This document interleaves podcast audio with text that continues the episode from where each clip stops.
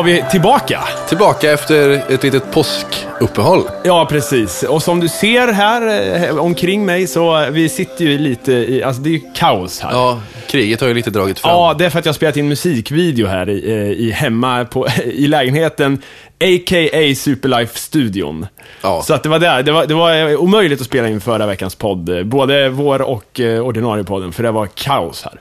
Om vi säger så här, entropin var maxvärde här. Det är ju, för er som inte känner till entropi, eh, ett mått på oordning. Ja, När man inte kan lägga till oordning och det märks, då är entropin maxad. Och så var det. till det så har jag spenderat en jävla massa tid på kärnkraftverket. Jag jobbade ju fan 12 timmar om dagen hela förra veckan, så det blev, blev tight. Ja. vi tog en liten paus. Men jag tror att vi är förlåtna. Vi, vi, vi drar igenom både avsnitt 6 och 7 idag, har vi tänkt på en Ja. timme här. Det jag, jag tror ändå det går, för att de var ganska, de tog upp ganska, vad ska man säga, det var, det var ganska utdragna historier. Ja. Så att eh, vi, vi klarar nog där, tror jag. Det gör vi.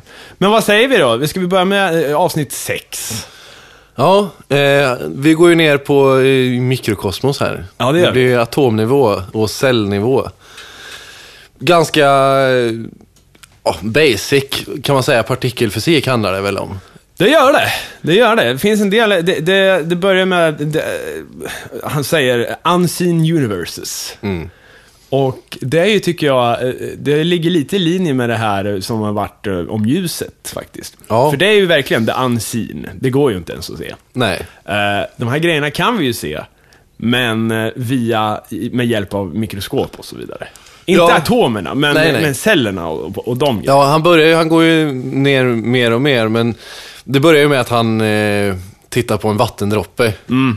Eh, och pratar kring, eh, kring det, vad det består av. Och då kommer vi in på vad en molekyl är. Och, ja, vattenmolekyl är ju H2O. Två, Två väte, en syre.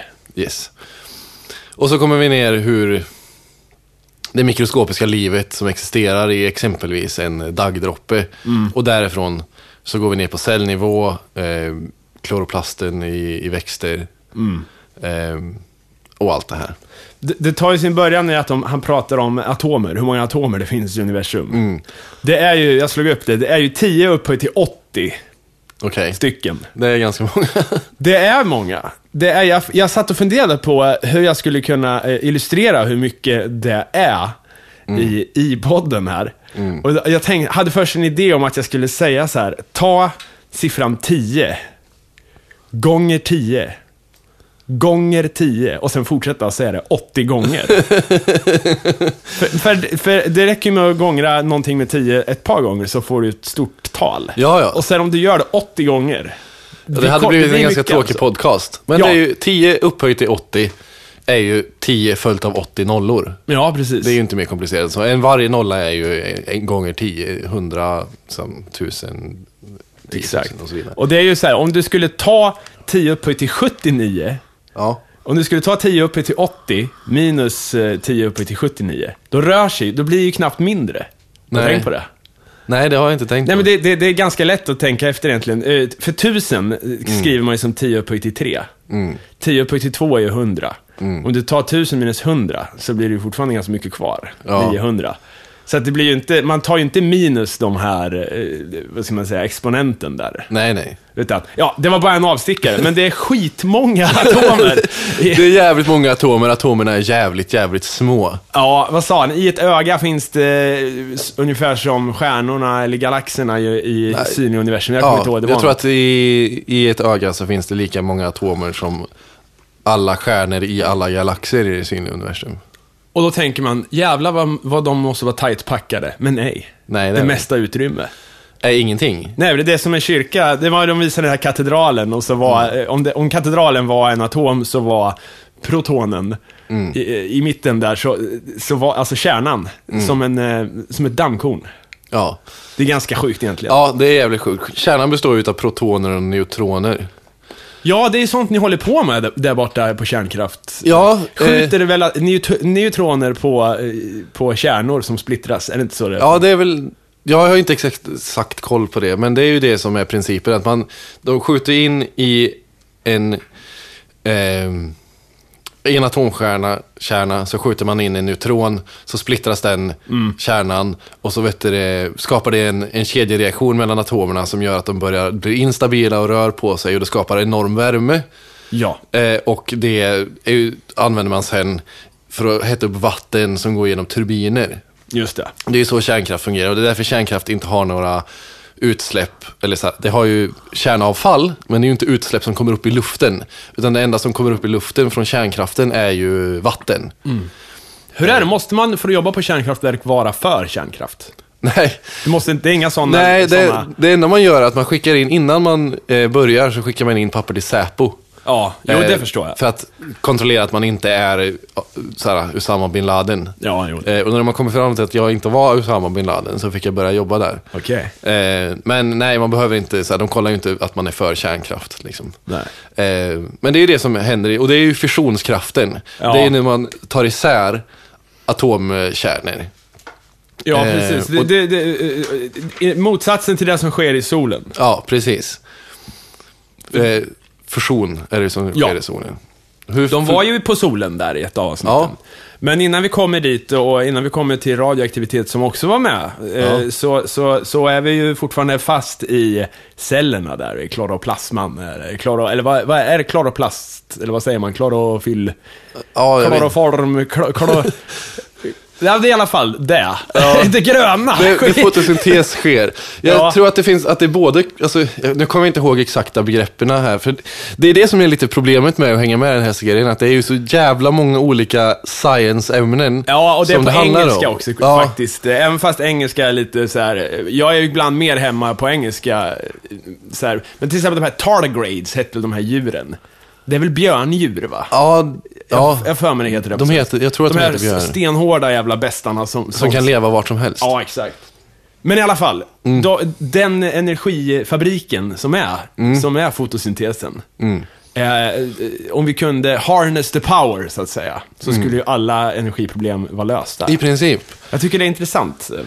Det, Ja, är, ja, Det är ju en väldigt effektiv, effektivt maskineri för att kunna... För det, de, det som växterna gör genom eh, fotosyntes är att de tar ju upp energi från solljuset. Eh, och så använder de det för att liksom bedriva sitt maskineri där de tar upp koldioxid och så skiljer de atomerna från varandra. Eller de, de skiljer, skiljer, skiljer atomerna från varandra. Alltså molekylen, koldioxidmolekylen skiljs ju åt i syre och, och kol. och så bygger man upp... eh, Eh, och så använder de ju kolatomerna som är väldigt promiskuösa atomer. Eh, för att kombinera med andra ämnen för att bilda socker. Eh, som är den energin som de bygger utav och eh, syret släpper de ut i luften. Och socker är ju solljus då i, eh, vad ska man säga, som ett batteri. Ja. På samma sätt som vi sparar energi i batterier så, så växterna gör ju små batterier av solljuseffekten då. Ja. Eller eh, eh, solljusenergin. Blir, så- Ja, sockret är, det- är naturens batteri. Ja, det är ju det de är. Men, alltså, men sockret, eh, kolatomerna som de använder för att tillverka saker, det uppstår ju inte utav solljuset. Nej, nej, men de bygger ju Eh, om det. De bygger jo, det- in energin i... Ja, men det, det är en sån sak som jag tycker är lite ofta... ehm, ofta en sån missuppfattning kring eh, hur fotosyntes faktiskt fungerar, eller vad växter faktiskt är. Ja. Ehm, att ja, de använder solljusets energi för att bedriva ett maskineri, men det är ju inte solljuset, det är, det är inte det ämnet som de bygger sig själva Nej, utav. nej, nej, nej. nej. Eh, och det, det känns ofta som när man pratar om liksom, hur, hur de använder solljuset, känns det ofta som att det är liksom Ofta får folk för sig, ja men de växer av solljus. Jo men de består inte av solljus, de består av kolföreningar, precis Ja. som allt annat liv. Det är intressant, det är intressant tycker jag att växter består ju till största delen av, av luft, kan man säga. För de tar ju upp, det som blir själva trädet, det är ju kolet eh, till stor, största del eh, som, som tas upp av eh, luften. Ja, Man tänker ju, jag har tidigare haft den här bilden av att de suger upp massa då ifrån, med rötterna. Och att eh, koldioxiden det, och solljuset, det är bara något som kör igång den processen. Så. Men så är det ju inte, utan det är ju själva byggstenarna är ju i luften. ja men. Och det är sjukt, att, de kan bygga, att man kan bygga om luften, det här osynliga, till träd och växter. Ja, det är jäkligt häftigt. Liksom. Ren, alltså, rent konkret så är det ju en gas. De, eh, genom sin eh, fotosyntes så omvandlar de en gas som de lever i till fysisk materia som de består av. Det är fantastiskt. Det är jäkligt häftigt faktiskt. Man får också då, eller, man förstår ju lite grann hur det kan ha uppstått så mycket olika växter eh, och, och djur. Därför att om man tittar på den tidiga jorden, som vi se footage då, eller Ja. animerat, när det bara är en stor brinnande boll i princip. Tänker man, hur, hur kan den här materien byggas om till det vi ser idag? Men byggstenarna är ju detsamma, fast i olika kombinationer. Ja, Och det är det som är lite kärnan också, han pratar om. Att doftmolekyler och, och alla de här, de, in- de, han är ju, den här Demokrates till exempel, greken, som, som förklarade redan eh, på grekernas tid att, eh, att det är egentligen bara olika arrangements då, olika konstellationer av atomer som bygger eh, de här, eh, alla olika ämnen. Ja. Och det, det är fascinerande tycker jag att det är just så här elektronerna i det yttersta skalet som avgör vad det är för typ av ämne. Och hur det reagerar. Och, eh, är det en gas? Ja, en ädelgas är ju till exempel eh, då, då är ju yttersta skalet fullt. Då kan man inte få in mer elektroner där. nej. Det är det som är själva definitionen av en ädelgas. Och, men alltså, eh, om det, om det är en annat, ett annat antal i yttersta lagret eller, eh, och så vidare, då, då kan det binda med annat. Och det kan vara metall och det kan vara, fan vad det finns för olika slags. Kemi, ska jag säga, var inte mitt favoritämne. Nej. Jag har läst kemi B faktiskt, men jag, men jag kommer inte ihåg så jävla. Ja, jag har inte läst kemi sedan högstadiet. Nej, okej. nej. Eh, men det är också det här, eh, liksom, Det fanns så- något som hette van der Waals-bindning, men jag kommer inte ihåg vad det var. Nej, men det är som så mycket annat. Att jag, jag är intresserad av det för att jag är intresserad av vetenskap, men jag är inte så jäkla kunnig. Och vi har ju aldrig utrett oss för Nej, ja, vi filosoferar ju om Ja. de här. Det, det är det som är det fina, tycker jag. jag ty vi omfamnar skönheten i att man kan med samma skit, alltså protoner och neutroner och elektroner, Mm. kan bygga världen. Ja, Det är ju fantastiskt, tycker jag. ja Eh, det, det som skiljer atomer åt är ju bara mängden, eh, alltså hur, hur kärnan och, ser ut i förhållande till elektronerna. Mm. Eh, ett visst antal, eh, ja, ju, simplare de är och ju mer komplexa de är. De har ett, ett antal protoner och så har de motsvarande antal neutroner för att det ska vara stabilt. Mm. Eh, och sen så har de ett mot, lika stort antal som de har protoner så har de ju elektroner, elektroner som eh, Mm. befinner sig i elektronmolnet kring dem. Ja. Eh, och det är ju ehm, hur, s- mängden protoner bestämmer ju eh, atomens vikt. Eh, Och även neut neutronerna. Ja, och även neutronerna. Eh, men det, det, det är väl genom protonerna man räknar. Ja, det atomnumret eh, Ja. bestäms ju. Det är ju inte samma sak som massan egentligen. Nej. Man, det är man räknar på, vad heter det, mol? Nej, det, det är hur mycket någonting är för sig. Du ser, det, är- det är kemin här, den är Ja. spökar lite så. Nej, men det, det, där bestämmer man atomnumret. Det, är, det är antalet protoner som bestu, bestämmer, eller så här, det är det som bestämmer vilket ämne det är. Ja, det är och det det. enda som skiljer de olika grundämnena åt är ju an, hur tätt packad kärnan är. Mm. Från den atomnummer ett som är... Eh, Ja, inte hur tätt, men hur många, Nej, hur mycket många- som ja, jo. finns i det. Ja, ja, men- ja. fan är ettan nu igen? ja det, är ju, det är ju väte. Väte Ja, precis. till järn, Ja. som är den tyngsta. Men sen finns det ju, det är också det här som kallas för tungt väte och, och så vidare. Okej. Då kan man ju packa in extra neutroner i ämnet. Ja. Så att ett tungt väte till exempel, eller om det nu, jag tror det heter deuterium, eh, jag är lite osäker på det. Men jag får väl en insändare om det, inte, om det är fel. Men då är, då är det alltså, då, då är det fortfarande bara en proton, för det är det som bestämmer vilket ämne det är som sagt.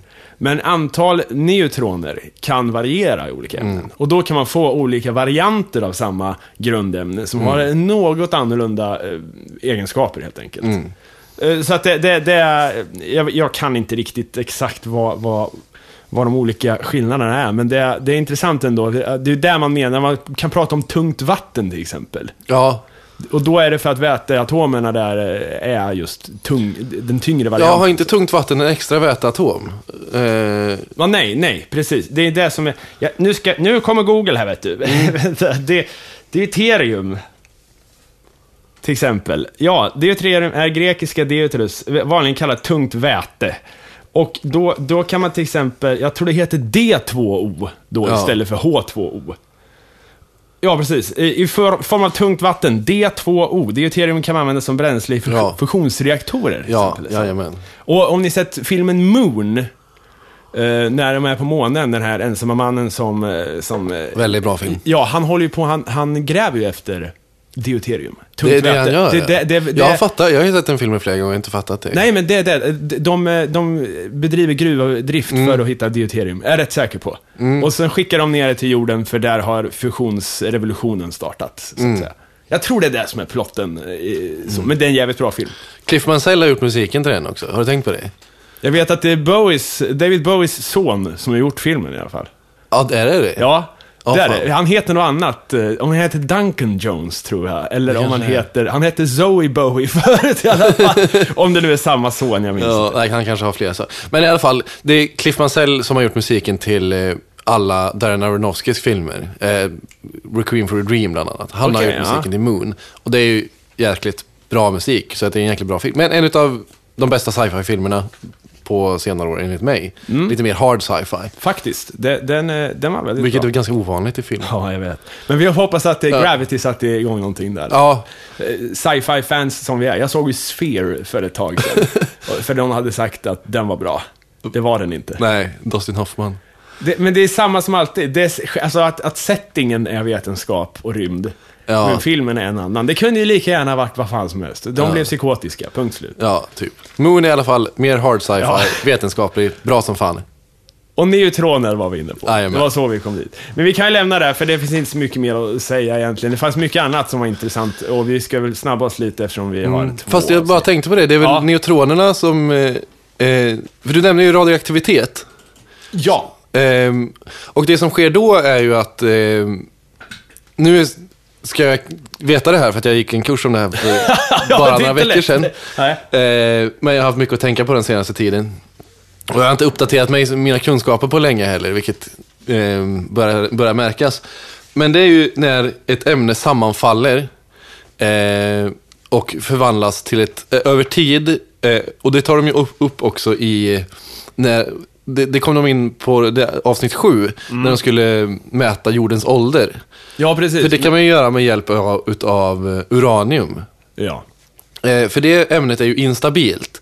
Och då har det väl, som jag har förstått det... uranium, säger man? Uran? Uran. Eller det är samma sak som, det, det är egentligen bara en engelskifiering. Ja, det är Du nog- menar uran, eller så här. Uran, Eller ja. finns det två olika? Nej, jag tror att det är, Ja, det är uran. uranium på ja, engelska. Ja, men det är ju uran. Ja, jo, precis. Ehm, och om inte jag har fel nu, vilket jag säkert har, så är det, innehåller det ämnet en, en ostabil kombination av neutroner och protoner. Mm. Eh, vilket gör att det eh, sa, faller samman. Ja. Eh, det skickar ut neutroner spontant. Ja. ehm, som kolliderar med andra atomer. Eh, eller hur fan? Det finns ju olika typer av strålning. Det Jo. Mm. finns ju de som bara är en vätekärna eller en protoner och, och det finns... Jag kommer inte riktigt... Jag har varit, alltid varit dålig på strålning faktiskt. Ja, men det är- Gamma, beta, alfa. Ja, men det är i alla fall, det som sker är att det, det, det strålar ut eh, en strålning som befinner sig inom det joniserande elektromagnetiska spektrumet. Ja. Och skillnaden mellan joniserande strålning och icke-joniserande strålning är väl att i den eh, joniserande strålningen så, så slås det ut protoner i, i, i, i, från atomkärnor som håller på att och falla samman. Och att de påverkar sin omgivning. Medan i det icke-joniserande spektrumet så, så är det ju bara fotoner i princip. I olika våglängd. Och det här, eh, eh, om det är rätt så är det en väldig förenkling. Men det innebär i alla fall att ämnena, om, min poäng är att ämnena omvandlas över tid.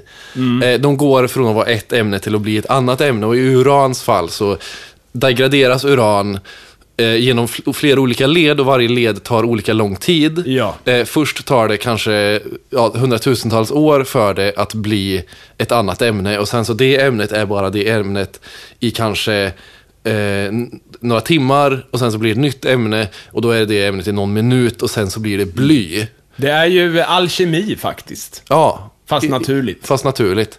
Det är att man omvandlar grundämnen till andra. Alltså. Ja, men och så omvandlas det till bly och på det sättet så kan man i uran eh, komma fram till att men det här är ju en är ju en mätsticka för åldern på någonting över en enormt lång tid.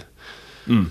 Ehm, och då kommer man fram till att om, om vi kan ta reda på hur mycket bly i förhållande till uran som finns i en eh, em, komet, till, nej, en meteorit till exempel. Ja, som vi, i var fallet där de skulle bestämma jordens ålder. ja, så kan vi ta reda på hur, hur, lång, eh, eh, hur, hur gammalt solsystemet är. Mm. Och därför hur gammal jorden är. Ja. Det är jävligt intressant. Mm. Vi kommer ju mer eh, till det, avsnitt sju snart. Jag skulle bara reda ut här. Jag, jag har googlat eh, Ja. strålningarna. Ja, Alfastrålning är alltså eh, två protoner, två neutroner. Ja. En heliumkärna, så Ja. Beta-strålning är, eh, vad ska vi se här, en elektron eller positron. ja, Och eh, det här är alltså de olika ty typerna av skit som flyger ut ur, Ja. ur olika, radioaktiv, ja, olika typer av radioaktivitet. man ska säga. Ja. Och sen joniserande strålning här, gammastrålning, ja. Fotoner. Stå, ja. Det, jag kan inte, det är för mycket att läsa. men, men skitsa. Du, du jobbar ju med det här. Det är, jag, det är Ja. du som ska behöva kunna det. Ja, grejen är att jag jobbar ju inte med det. Jag Nej, är jag vet svetsare. så att jag kan ju inte någonting. Men jag är på en Du plats jobbar där detta... mer med det än vad jag Ja, ja, jag jobbar på en Du plats är där det sker. Eh, Men i alla fall, poängen med, med den typen av strålning är att ämnena sammanfaller så skickar de ut Ja, eh, delar s- sig till sin omgivning och så påverkar det omgivningen. Och på biologiska, eh, ja, i biologiska varelser så kan det ha en eh, väldigt dramatisk påverkan. Vi kan få cancer och sådana saker för de här slår ut molekyler i vårt DNA och så kan vi få spontana förändringar i DNA och så kan vi, ja, kan saker och ting bli fel. oh ja. Men eh, när vi ändå pratar om partiklar här då. Mm. En, stor, en stor roll i avsnitt 6 hade ju eh, eh, neutrinon. Ja, det, den är superintressant. Där. Ja. Vad, vad kan du om den? Jag kan mycket lite om det. Ja. Men- Det är många, det är, det, det, överlag kan vi inte så mycket om Nej. dem, för vi har inte sett så många. Nej, De kan ju passera genom eh, Allt. 100 ljusår av stål utan att, utan att krocka med någonting. ja. Men de har ju då, och det var ju nästan det coolaste tyckte Mm. jag, den här japanska eh, detektorn. Super Kamioka. Ja, Den här s- s- under jord då, eh, jättestora eh, som ska samla upp neutrinos Mm. och, eh, och, och, och studera dem. ja, det är som en stor cylinder Mm. eh, fylld med destillerat vatten Mm. och täckt med sensorer Ja. av ett något slag. För den ska hitta neutrinor, neutron, nej, neutrinos. Ja, eh, och eh, precis, det är nära neutron, men neutrino är... Nu, neutriner. Och vad heter det, men faktum är, jag läste lite om den där, eh, och, och den har byggts om en massa gånger. Okej. Eh, det är därför den är nu super Kami- kamioka. Förut så var den bara något annat, karioka någonting. Ja, men den har blivit super. Ja, jag gillar att den heter Super. Det, det är nästan den bästa med den. Ja. Men den byggdes ursprungligen för att studera protonsönderfall. Proton decay. Det, var, det är ingen som har lyckats eh, upptäcka detta, men det är en teori om att protoner skulle kunna sönderfalla till mindre partiklar. Okej. I Sina beståndsdelar helt enkelt. Eh, det, det har ingen lyckats hitta experimentella, experimentell data på, så att det kan vi nästan lämna därhän. Ja. Men det är en häftig maskin i alla fall. Och det är något man kan eh, underhålla sig med en hel kväll och sitta och googla sådana här maskiner och titta på dem. Ja. För det är, det är jävligt snygga grejer. Ja, det är väldigt, alltså när man ska titta på väldigt, väldigt små saker så behöver man väldigt, väldigt stora saker. Ja, Eh, vilket är fascinerande. Och det är ju samma sak, men jag gillar ju CERN liksom och LHC och allt det här. Large, Large Hadron Collider, Ja. eh, exakt. Men något, eh, något som var väldigt fint, eh, tyckte jag, är att de hade med. Ja, Det var just, eh, för de upptäckte att neutrinos då eh, finns innan man kunde studera dem. Därför att en, hur fan var det nu? Det var något sönderfall som skedde av en eh, atom. ja, Och, eh, men energin som hela, alltså när den, den omvandlades från ett ämne till ett annat, Ja. så gick inte energin ihop, utan det måste ha försvunnit energi Ja. i form av en annan partikel än där vi, hade, där vi kunde se. Ja, en enormt, enormt liten mängd energi saknades när det hade omvandlats. Ja, och, och det här är ju helt enkelt för att energi inte kan skapas eller, om, eh, eller försvinna. Nej. Utan den omvandlas alltid. Och det illustrerar de så jävla bra med den här pendeln. Ja, just När det. Neil deGrasse släpper en, en, ett klot ifrån ansiktet Ja. och sen snurrar den iväg. Och sen, eller den, den åker iväg i en pendelrörelse och kommer tillbaka och touchar honom. Inte, men nästan, Ja. nästan exakt. Eh, och det är helt enkelt för att rörelseenergin, lägesenergin blir rörelseenergi och tvärtom. Det går, Mm. Ja, så går omvandlas det fram och tillbaka. Ja, men det kan aldrig bli mer än vad du börjar Nej. med. Och det här är med i Carl Sagans bok Kontakt, Ja. faktiskt. Jag vet inte om det är med i filmen. Men det är med i boken och eh, som ett exempel på tro. Mm. För de debatterar mycket tro. Det är han, eh, och, ni borde se filmen och läsa boken alla som lyssnar. Den, eh, han, eh, hon, huvudpersonen debatterar med den här religiösa mannen som spelas av eh, Matthew McConaughey i filmen. Eh, och jag tror det bara är med i boken, men, men då har de just det här att hennes tro på vetenskapen är ju så pass stark. Vilket är eh, med all rätt, eftersom, eftersom eh, vetenskap är ju, det, det är ju det rätta. Ja, Men i alla fall, det är ju bevisat. Att hon skulle kunna släppa den här pendeln då och inte röra sig ur fläcken, för hon vet att den inte kan träffa ansiktet. Mm. Och då menar hon, kan du säga samma sak om din gud och så vidare. Mm. Och det är väldigt starkt. Jag gillar att de hade med just det exemplet i serien här nu. Ja. För det är väldigt... Det är väl lite Ja, mer... jag skulle nog inte klara av det eh, utan att eh, instinktivt röra sig Nej, nej, för när den alltså. Det- kommer tillbaka och kommer så nära så, så måste man ju uppleva som att den här kommer ju träffa mig. Liksom. Ja, ja. Men det gör den ju inte. Den kan ju omöjligen göra det. Och Om det- den inte får, han säger om ni provar det här hemma så ger den inte en push. Nej. För då kan den ju komma, och det, det säger sig självt egentligen. Mm. Om man är med på vad experimentet går ut på. Men, eh, men, men sen är det också intressant tycker jag, det här är att eh, vi aldrig riktigt vidrör någonting faktiskt. Mm.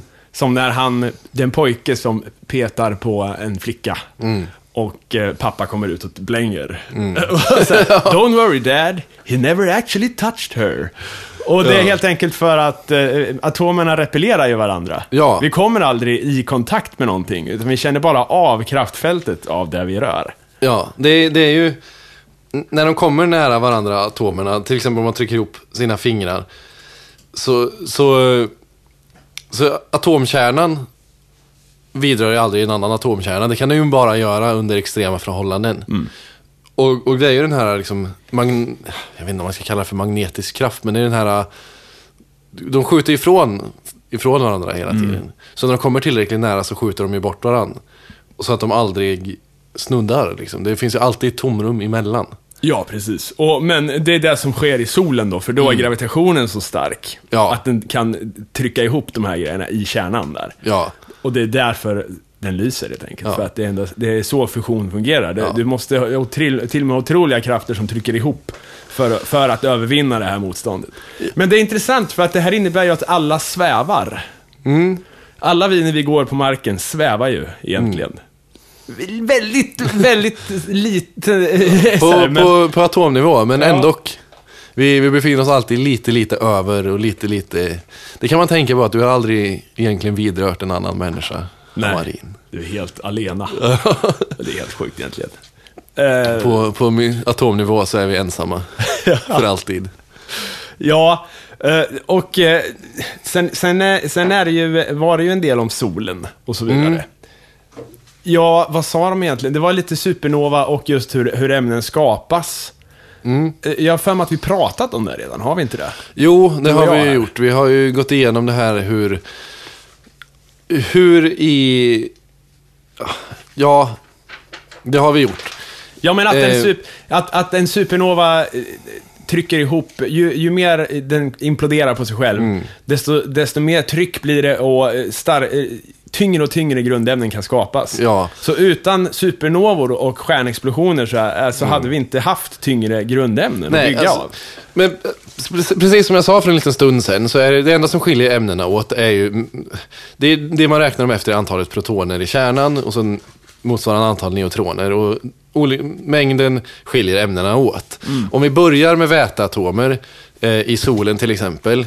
Så gör ju solens massa eh, är ju väldigt stor, eller den den har ju en enorm massa. Men det finns ju andra himlakroppar med mycket större massa. Eh, men det, och det som sker där, på grund av den stora massan, så trycks atomerna ihop. Och då bildar de, om en, två väteatomer trycks ihop så bildar de ju ett nytt ämne hela tiden. Och då blir ju ämnena tyngre och tyngre. Solen är ju för liten för att skapa de här riktigt tunga ämnena. Ja. Eh, För den har ju inte tillräckligt med massa. Men alla ämnen som är, som är tyngre har ju skapats i en tyngre himlakropp. Eh, I en eh, ja, stor så här, röd jätte och allt vad det heter. Eh, för där är ju massan tillräckligt stor. Precis som du sa för några avsnitt sedan. Så när eh, ehm, atomerna har tryckts ihop i så många, så många gånger att, gravita att liksom, gravitationen Inte längre kan... Alltså när järn bildas. här. Ja, när järn bildas. För, för järn, då, då tar det stopp. Ja. Då kan man inte göra mer. Och då finns det ingen energi. Nej, då finns det ingen energi kvar att trycka ut det. Så då imploderar det istället. Och då exploderar det. Och då blir det en supernova. Och då Ja. sprids alla de här äh, ämnena som har bildats. Eh, sprids i hela universum. Mm. Eh, och det är ju basen för att det finns tyngre ämnen än väte i princip ute i universum. Och det här blir en fin övergång, faktiskt. För att det här molnet, det är där sen som, som samlar ihop sig igen och blir planeterna. Precis. Och det här hände i vårt solsystem för hur länge sedan då? Fyra och en halv miljarder år sedan. Yes. Och det kommer vi fram till, hur då? Genom att eh, undersöka... Det är läxförhör. Nej, men det kom vi fram till genom att undersöka mängden bly i förhållande till uran i eh, rester utav meteorer som har kraschat på jorden. Ja, precis. Och mannen då som, som har tillskrivits denna upptäckt är ju Claire Patterson. Yes. Som vi får följa genom egentligen hela avsnitt sju. Ja. Och det börjar väldigt mystiskt med att han är rädd för någonting. Det, Ja. det är nästan som en skräckfilm. Han Ja. går omkring och han, man, han, de framställer honom som en jävla dåre, tycker jag. Lite orättvist nästan. Han Ja. ängslig springer omkring och kastar burkar med mat på marken för att de, "Åh, de är förgiftade. jag vet inte om det var så. Nej, jag tror, inte, jag tror inte att det var så att han gick runt så här svettig och jagad och ser så här fläckar som en så infektion som sprider sig över hela världen. Ehm, men vad var det han såg? Ja, det var lite Aaron Brockovich-filmen Mm. eh, nästan. För att han var ju... Han upptäckte ju... Alltså det här experimentet de gjorde, vi kan ju börja där. Mm. Jo, var, gjorde ju att han var tvungen att upp, uppfinna det to, eh, helt sterila laboratoriet. Ja. För att eh, bly finns överallt annars. Ja. Och Ehm. han, i och med att dessa, den här efterforskningen som han gjorde på de här grejerna, Mm. så upptäckte han att det var, fanns mycket mer bly än Mm. det borde vara. På havsbottnen så var det mindre än vid havsytan och Mm. eh, räknat på tiden som det tar att mixa vattnet med ytan och botten så, Mm. så, så upptäckte han att det här måste kommit till nyligen. Och Mm. så härleder han detta till att det måste vara att det finns bly i bensinen Ja. som driver bilarna. Ja, det, det är ett väldigt... ehm, det, avsnitt 7 skiljer sig ganska mycket från tidigare avsnitten. Eh, vilket gör att ja, det är ganska komplett, så vi kanske inte har så himla mycket att tillägga egentligen. Men det var väldigt intressant, för det är väldigt dra dramaturgiskt uppbyggt. Det är en historia de berättar i princip. Ja. Och sen så berättar de vetenskapen kring den här historien. Men det handlar ju mycket om Patterson. Men jag tycker det är skönt. Jag tycker det är Ja. faktiskt lite mer närmare originalkosmos. Var länge sedan vi pratade om. Men Ja. då, då fick man ju följa eh, ett helt avsnitt eh, ibland med vissa. eh, Ja. Kepler och, och de här. Ja. Eh, Och jag tycker ändå på något sätt att det är, det är kul. Och det är Ja. intressant. För att de här människorna bakom vetenskapliga Mm. upptäckter är ofta ganska intressanta. Och, och hur de upptäckte grejerna är ju intressant. ja, Om man nu tycker vetenskap är kul. Jo, det är intressant. Och sen så finns det ju faktiskt personer som kanske förtjänar att lyftas fram lite mer än andra. Alltså, alla känner till Einstein och alla känner till de här, och Newton och, och alla de som har liksom haft det här stora inverkan på hur vi ser på vår omvärld. Men det finns ju också de här personerna som Patterson som faktiskt har hjälpt till att förbättra den värld som vi lever i på ett väldigt konkret sätt. Han har ju inte bara gjort en insats vetenskapligt genom att ta reda på eh, hur gammal jorden är och hur man kan liksom mäta åldern på, på vår planet och, och liksom ge oss mer kunskap. Utan han har även gjort en stor insats socialt. För att han har ju bedrivit en kamp för någonting som han tror på, som, är, som han tycker är rätt. Och därför, som, som grundar sig i hans vetenskap, men som han eh, har bedrivit på grund av sin person. Ja. Eh, och det är ju värt att lyfta upp lite extra då, kanske, kontra bara de här som bara ger oss vetenskapen. Jag tycker att det är extra intressant därför att det inte var ur... All, syftet var, Ja. okej, ta reda på hur gammal är jorden. Ja. Hitta ett sätt att mäta hur mycket bly det finns i det här. Ja. Så att vi kan räkna ut hur mycket som har omvandlats till bly, så att vi vet hur mycket det var innan, så att vi kan räkna bakåt i tiden. Till, hu- ja, men de skulle ta reda på hur gammal jorden var. Om du går fram till någon som inte... Som ganska många vetenskapsmotståndare, eller vad man ska säga. Mm. Eller for, forskningsmotståndare. Folk som helt enkelt inte tycker vi ska lägga pengar så mycket på forskning som inte vi vet vart det leder. Nej. Som man så ofta får höra. Varför ska vi skicka upp folk i rymden när vi inte löst problemen på jorden? Varför ska vi ta- ska vi bygga Large Hadron Collider? Ja. Den här snubben skulle ta reda på hur gammal jorden var. V- Vad, har det för, vad spelar det för jävla roll sam, för samhället? Nej. Ingenting egentligen. Nej, i princip inte. Förutom att överbevisa kristna gamla eh, dumheter eh, om att det skulle Ja. vara 6000 år gammal och så vidare. Men resultatet blev att han upptäckte någonting av en slump. I, i och med att han var tvungen att eh, uppfinna någon, eh, ett sterilt laboratorium så började han, eller han märkte helt enkelt i, i forskning på det ena så upptäckte han det andra. Det här med bly, hur mycket som bly vi har omkring oss och föroreningen upptäckte han. Och det här ledde till att mänskligheten blev av med ett gift som, som förgiftade folk. Ja. Det var väl ingen som kunde... Hade någon sagt det? Forska på, på blyförgiftning? Ja, det, det ska vi forska bort. Men, men det kom ju av en nonsensgrej i, i vissas ögon. Ja, ja, precis. Och det är det som är så jävla viktigt att förstå. Att den här grundforskningen är så jävla intre- äh, inte intressant, utan så jävla viktig. För att vi kan aldrig veta vad som kommer komma ur det här. Vi, vi kunde inte, alltså, om inte han hade gjort det här så hade inte vi vetat att samhället och planeten blir förgiftad av ett nervgift. Nej. Eh, på grund av att oljeindustrin ska tjäna lite pengar. Eh, det hade vi inte vi kunnat veta. Och som sagt, det sättet som de kom fram till det här på var ju, precis som du sa, det här steri, steri, sterila laboratoriet. Han fick ju uppdrag att tillsammans med en annan person försöka komma fram till eh, jordens ålder. Eh, den ena personen ska göra eh, tester på ett visst ämne som de har eh, kristaller utav. Och den personen ska göra testet på uranmängden i det här, eh, eller vad det var, eh, i det här ämnet. Och han får samma resultat hela tiden. Ja. Eh, Patterson, när han försöker mäta bly, mängd, blyhalten, får resultat som är över hela kartan. Det är olika hela, hela, hela, hela tiden. Inte ett enda konkret, konsekvent resultat som man kan använda sig utav. Nej, och, eh, det, ja, och här säger ju vetenskapen någonting. Och det är ju att någonting är fel. Ja, Och det är alltid det. Det är det som är så skönt. Att, eh, det, det är sådana här grejer som leder vidare till någon form av upptäckt oftast. Eh, Att man vet ju att, okej, det, kan ju bara- det kan ju inte vara random. Okej, kvantmekaniken undantaget. För den är verkligen slumpmässig. Ja. Men eh, just det här, hur mycket bly finns det i det här ämnet? Det är klart att det inte varierar så som han fick. nej, nej. Och då måste ju någonting annat vara fel. Ja, och då, är det ju, då visar det ju sig att ja, men det förorenas ju hela tiden. Det, fi- det är liksom, det, all, alla samples han har är förorenade. Och vad är de förorenade? Jo, de är förorenade bara av att existera i vår miljö. Så han, efter lång tid så bygger han det här, så här världens första så här, ultra clean room. Som man idag använder i massa, också massa vetenskapsområden för att kunna göra noggranna analyser och noggranna saker. Så det är också en, jätte, liksom, en bieffekt ytterligare av att man ska göra det. Gud, jag vill slänga in ett eh, sci-fi-tips här Ja. faktiskt. Har du sett filmen The Andromeda, Stra- Andromeda Strain?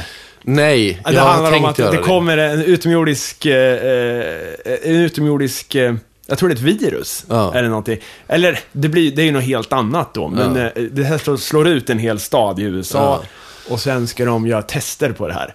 Och d- den är så hård, sci-fi, så det finns inte. Det finns en serie, en remake som man ska passa sig för, för då plockar de in allt möjligt skit och förstör Ja. det. Men då är det så här, halva filmen är när de går igenom steriliseringsproceduren för att komma in i laboratoriet. Ja. Och det är rum efter rum efter rum. Och sen när de väl upptäcker viruset på det här som har slagit ner, det är en satellit tror jag, eller någonting som har kraschat. När de upptäcker det här, då istället för att, istället för att bara säga åh, där är det! Och sen ska det hända något häftigt och så vidare. Så han som leder projektet, han säger så här, ja vi upptäckte, men vi måste undersöka resten också. Let's be thorough! We must be thorough! Och så fortsätter de att undersöka. Och det är det som är så skönt. Så. Ja. det, aldrig hade en modern film Nej. kastat ur sig det. Nej, nej, men det är ju underbart med det här när man faktiskt vågar vara riktigt hard sci-fi. Men, Det kommer lite laser och skit i slutet. Ja, ja, men, men det, det- får, ursäkten, ja, ja, Ja. det är väldigt så här, vetenskaplig metod i den i alla fall. men det är ju så här, men det är också ytterligare en bieffekt. Det är ju det, Ultra Clean Room. Sådana, sådana använder man ju idag till exempel för att tillverka mikroprocessorer till datorer. När man jobbar med nanometerkretsar. så måste man ju ha så otroligt supersteril miljö för att man ska kunna bygga de här. För finns det någon liten förorening så fungerar ju inte skiten. Liksom. Men vad jag inte fattar är hur det kan vara så känsligt, Ja. men ändå har jag en PC som står här. Och ah, men fan, öppnar jag upp den så ser det ju ut som mitt rum ungefär. Jag gör omkring så här. Det är skit överallt som har kommit in via fläkten och det är massa jävla snusk. Jo, jo. Men att det ändå funkar, det är men, men chippen i din processor är ju ändå innesluten Ja, det är från, de. från Det- det är fabrik. sant. liksom. Det är så sant. de har ju slut, de har ju sammansatt dem i en sån ultra clean room och sen så har de ju förseglat dem. True. Eh, och sen så skickar de ut dem och sen står de i en dammigt Ja, ja men det är själva kretsarna, det är inte samma skala där. Men, men på den skalan så är ju verkligen ett dammkorn. Det, det kommer ju in som en stor... Ja, komet. Liksom, ja, eller, bara förstör. ja. Men, Nej, men, det här är... Ja, Ja. vad, vad skulle du säga nu? nej, jag tänkte bara fortsätta lite den historien. Eh, att när han har byggt världens första ultra clean room, Mm. eh, det är ju då han kan på riktigt eh, ta reda på mängden eh, bly i det här eh, sampleämnet som de har. Mm. Och då med sina kalkyler eh, och tack vare spektrografi och sånt eh, så, så eh, evaporerar han ju det här ämnet och så får han reda på hur mycket bly är det här helt utan föroreningar. Och så får han reda på att jorden är 4,5 miljarder år gammal. Det är fint, tycker jag, eh, när han, medan experimentet görs så, Ja. i sitt huvud tackar han ju alla tidigare vetenskapsmän och sen Ja. lite så här hjältemusik. Ja. Det är ändå lite så här fint beskrivet Ja. hur vetenskap ändå... Ja men det är ju så. så if I seen further than anyone before me is because I've been standing on the shoulders of giants. Ja. Det är ju faktiskt så. Men, ehm, men det han gör sen, när han har kommit fram till att jorden är så här så här gammal, är ju att med, med finansiering utav eh, petroleumindustrin, så åker han ju världen runt för att mäta blyhalterna på olika platser. Eh, och han beger sig ut till eh, Antarktis eh, för att gå ner i iskärnorna och hacka ut gammal, alltså tusen, flera tusen år gammal is. Han eh, tar eh, samples från eh, djuphavet och så vidare. Och det är ju där han får reda på att om, som de, för de har ju sina egna vetenskapsmän, Som, som de ofta har. Ja. Har ja. Eh, och om ehm, det som de hävdar att halten av bly i, i jorden och i luften och i människokropparna är naturlig. Då skulle det ju vara det även överallt annars. Då skulle det ju finnas samma blymängd i, ehm, i djuphavets vatten och i iskärnor och allting sånt. Men det gör det ju inte. Det fanns nästan inget bly där. Nej. Och det var då han kom, fick reda, tog, alltså kom fram till att någonting är jäkligt fel. Men det här är intressant på det här viset att idag eh, varnar ju forskare, alltså det här med global warming till exempel. Ja. Och, och andra eh, del, alltså jag tänker ofta när jag, när jag ser så här schamporeklamer och sånt. Ja. Så har de uppfunnit så här, det här schampot har nanopartiklar som gör det och det. Ja. Nanopartikelforskningen, Mm. den har väl inte kommit så långt, tänker jag. Att man kan designa vad fan som helst på nanonivå. Vi är ju inte där än. Nanorevolutionen är ju yet to happen. Men ändå så, så, så tydligen stoppar man då nanopartiklar i schampo. Jag menar för fan, det är ingen som vet hur det påverkar kroppen. eh, eh, Eftersom de, det är partiklar som är så små att de kan penetrera en cell och, och Mm. eh, orsaka skada. Det, det får mig att... Och det här stoppar vi i schampon och, och, och, och, och salvor och skit. Ja. Jag vet inte om det är true nano. Så Nej, jag, jag, det, tror, men- jag tror att när det kommer till, när det kommer till eh, det som du säger, alltså hudvårdsprodukter, Ja. då tror jag att nano används där på samma sak som kvantum, kvantmekanik eh, används inom sådana här humbug eh, Ja. eh, terapier. Att, ja men på grund av de kvantmekaniska effekterna så helar den här ditt energifält, tja, bla bla bla.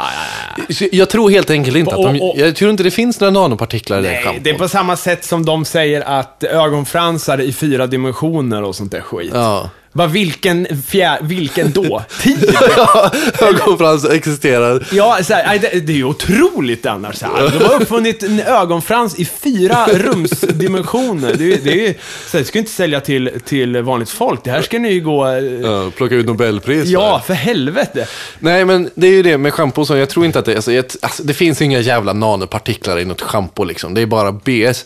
Men Jag där, hoppas inte det, för att, för, för att det, det, det är det jag menar. Det här är samma grej som, som att saker med radioaktivitet var en trend. Vad var det? 60, 50, 60-talet? ja, tidigare tror jag. Ja. Men det, det kan vi ta. Och Walt Disney gör... eh, Har du sett den filmen när Walt Disney sitter och förklarar radioaktivitet och man får se en massa Disney-djur Ja. som typ sitter och käkar radioaktivitet. Ja. Och sen, sen är det så häftigt för då kan de sig köra med, med sån här mätare, Geigermätare och då så här, och, och se vem som... Eller Ja, det var- jag tror att det var på runt alltså 20-30-talet man trodde det att radioaktivitet var the shits. Men det finns ju en definitiv parallell på väldigt många sätt eh, med den här, eh, hans kamp mot petroleumindustrin och deras blyförgiftning av människor. Mm. Som alltså, han drev i 20 år tills han vann. Eh, och det blev förbjudet att ha bly i bensin. Och efter det har ju blynivåerna i, i, i, i hela världen och i människokroppen sjunkit drastiskt. Liksom. Så fort det blev olagligt så har det bara på en skala bara rutt, försvunnit i princip. Och det säger ju också att det var inte alls naturligt. Det var ju bara på grund av det här. Och den parallellen finns ju precis som du sa till global warming så jäkla tydligt idag. Mm, och det, gud, alltså så många grejer som borde förbjudas egentligen. Mm. Jag tänker på hela matindustrin och, och gud vet vad, alla tillsatser och eh, bekämpningsmedel och, och gud vet vad alltså. Ja, Det är som att säga, lite Erin Brockovich över hela historien. Så Ja, den här det- filmen, om ni inte sett den, hon eh, Julia Roberts slåss emot något Ja, väldigt- kemiskt företag. Ja, där, så. väldigt bra film. Men det är ju men det är just det här med, alltså, jo, matindustrin och det finns mycket så, men det känns ändå som att det är ganska reglerat på många sätt. Men, men, men just när det kommer, det finns ju de här, eh, och det är också så provocerande, de kallas för climate skeptics. De här, så här klimatskeptikerna som är lobbyister för samma industri som lobbade för att vi skulle ha bly Ja. i bensinen, lobbar idag för att nej, nej, global warming, det är inte eh, människor som, som skapat det, utan det finns naturliga orsaker. Och trots att det råder ett vetenskapligt konsensus, jag tror att det är så här 96 eller 97 procent utav så här climate scientists är helt överens om att orsaken till att vi har global uppvärmning är för att koldioxidutsläpp som sker av människor. Så är det ändå så jävla svårt att få igenom regleringar på, på internationell nivå mot det här. För att det finns intressen som står emot det. Och det känns som att det är, finns så många paralleller i den, hans kamp och den kampen som sker idag för att minska på klimatutsläppen. Ja, det, i mina mest cyniska ögonblick så sitter jag och tänker på de här grejerna. Ja. Och läkemedel. Ja. Och, och hela det här. För har vi ett bot mot cancer, egentligen? Ja. Finns det i, no, i, någon, i något valv någonstans? Men det är att, vad vad heter, att det är billigare och, Mm. eller man tjänar mer på, på andra eh, Ja. Mediciner för folk som har det och inte blir av med det. Eller som säger Ja. bromsmediciner eh, för HIV till exempel. Och, Mm. Jag menar, det, det, det är lätt att bli mörkrädd på riktigt alltså, Ja. tycker jag. När man tänker på att ekonomi styr vissa saker så. Ja. Konspirationspodden kunde vi starta och bara sitta och diskutera det här. För det är otäckt. Ja, det är ju otäckt, men det är, inte, så det är ju inga konspirationer. Alltså, konspirationer är ju när det är dolda agendor bakom saker och man så här, tror att det är spöken och aliens och Illuminati och allt vad det kan vara. Men att, att det finns ekonomiska intressen, att, eh, att ett företag eller en mängd företag eller en hel bransch har ett definitivt intresse av att ja, men det här är farligt för alla. Det här är skit. Det här förstör våran värld. Det här förstör människor. Men vi tjänar pengar på det. Så vi måste fortsätta se, se till så att det är precis som det har varit. Det är ju inte en dold agenda. Det är en väldigt öppen agenda. Ja, där. Jag, jag tänker så här, eh, hur, hur, hur det här skulle kunna förändras. Jag tänker så här, det är lite... Det är svårt om företag där, där många människor tjänar på, på, på någon, till exempel Ja. bilindustrin. Ja. Det kommer nog bli väldigt svårt att förändra något sånt. Mm. Om du är bara en man mot det här eller en kvinna. Ja, Men däremot tänker jag att de här världens rikaste personer, det är upp till dem lite grann. Det känns så. Det känns som att till exempel Bill Gates, Mm. eller någon annan stormrik människa, Mm. bestämmer sig för att ta fram ett alternativt bränsle. Mm. Pumpar in pengarna i den forskningen och presenterar det. Mm. Med sin status. Det är först då som de här grejerna kan grävas upp, känns det som. För pengarna måste ju komma någonstans ifrån.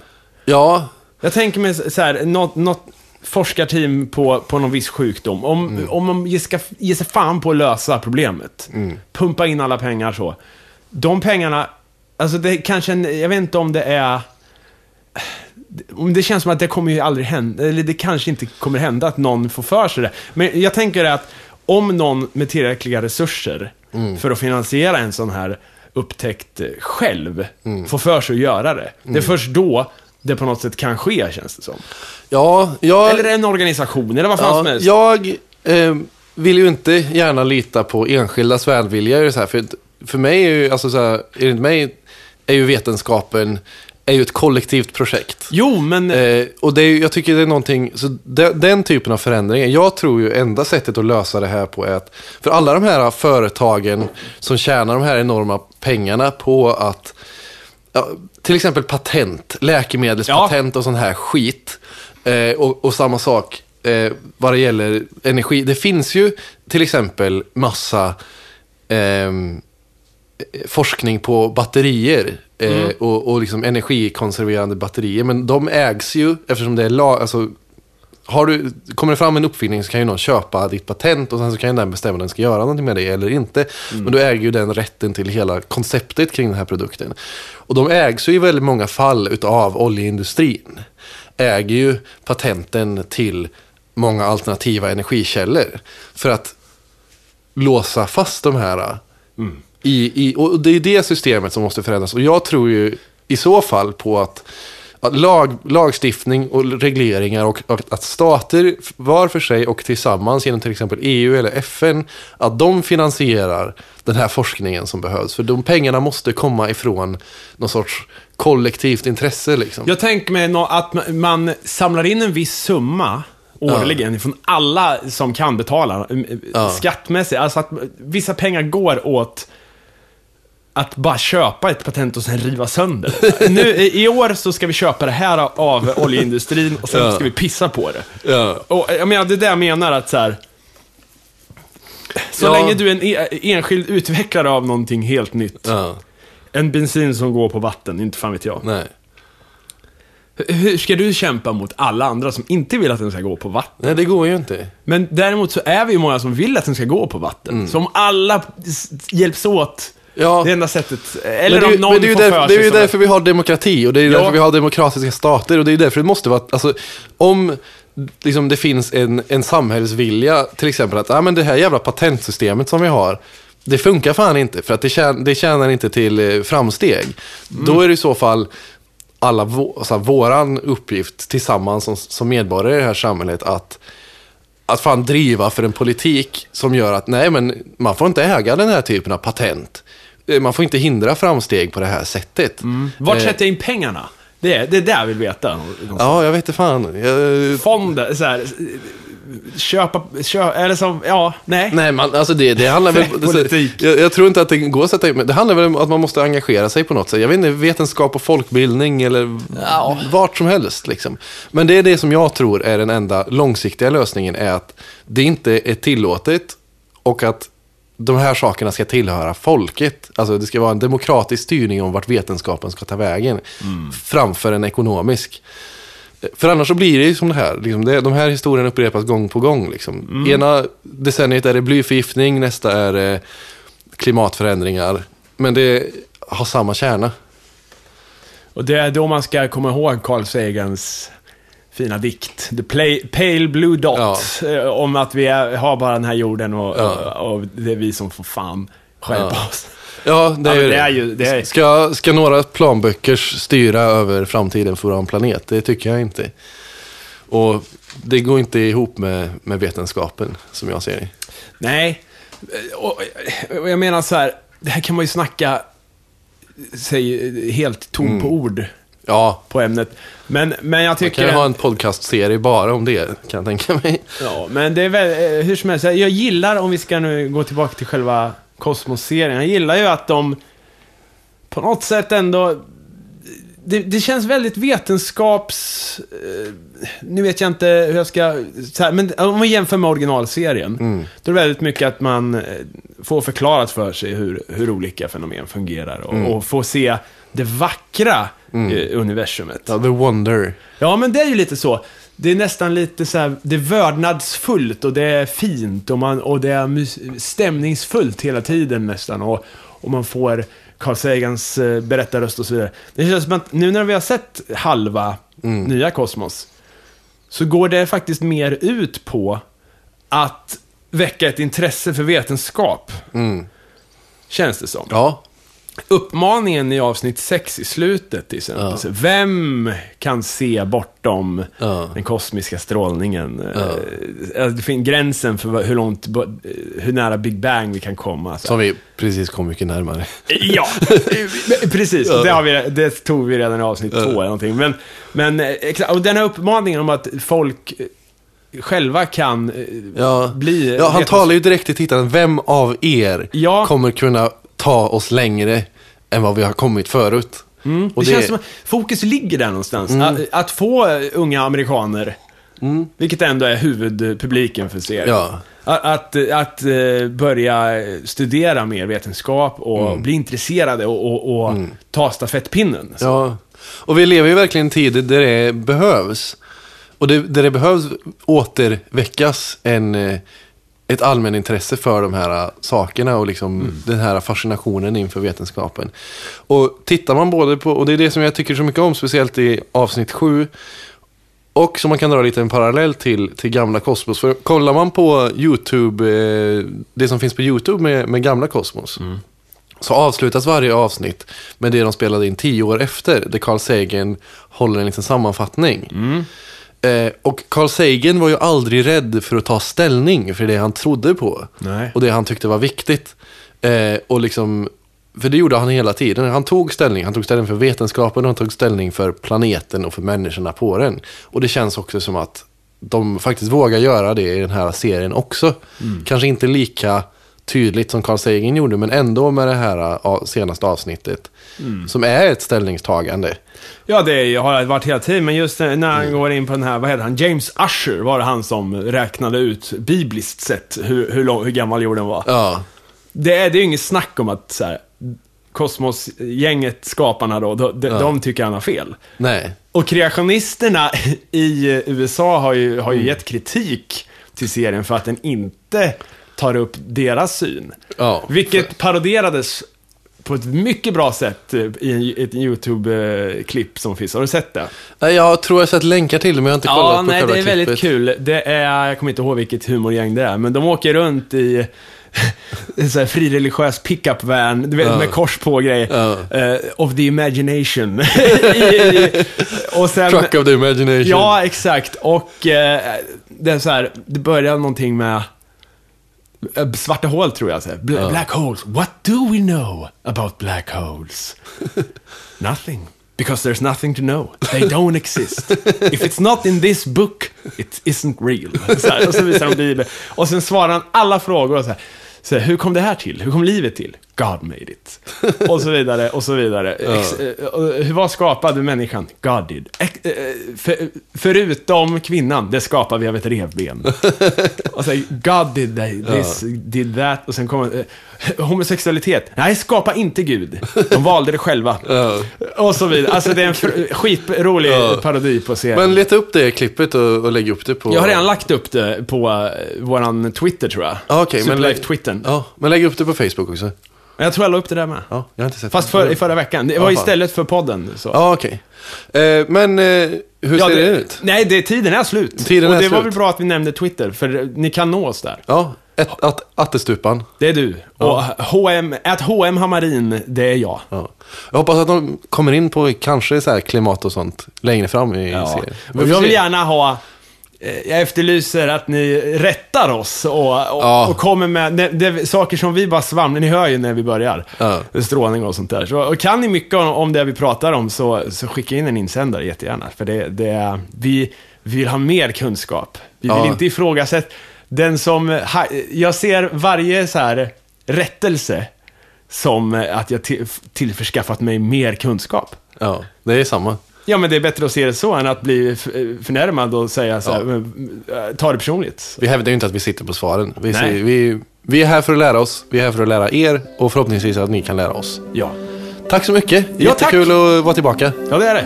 Vi ses nästa vecka. Eller hörs, menar Ja, jag. Farväl. Ha, ha det bra.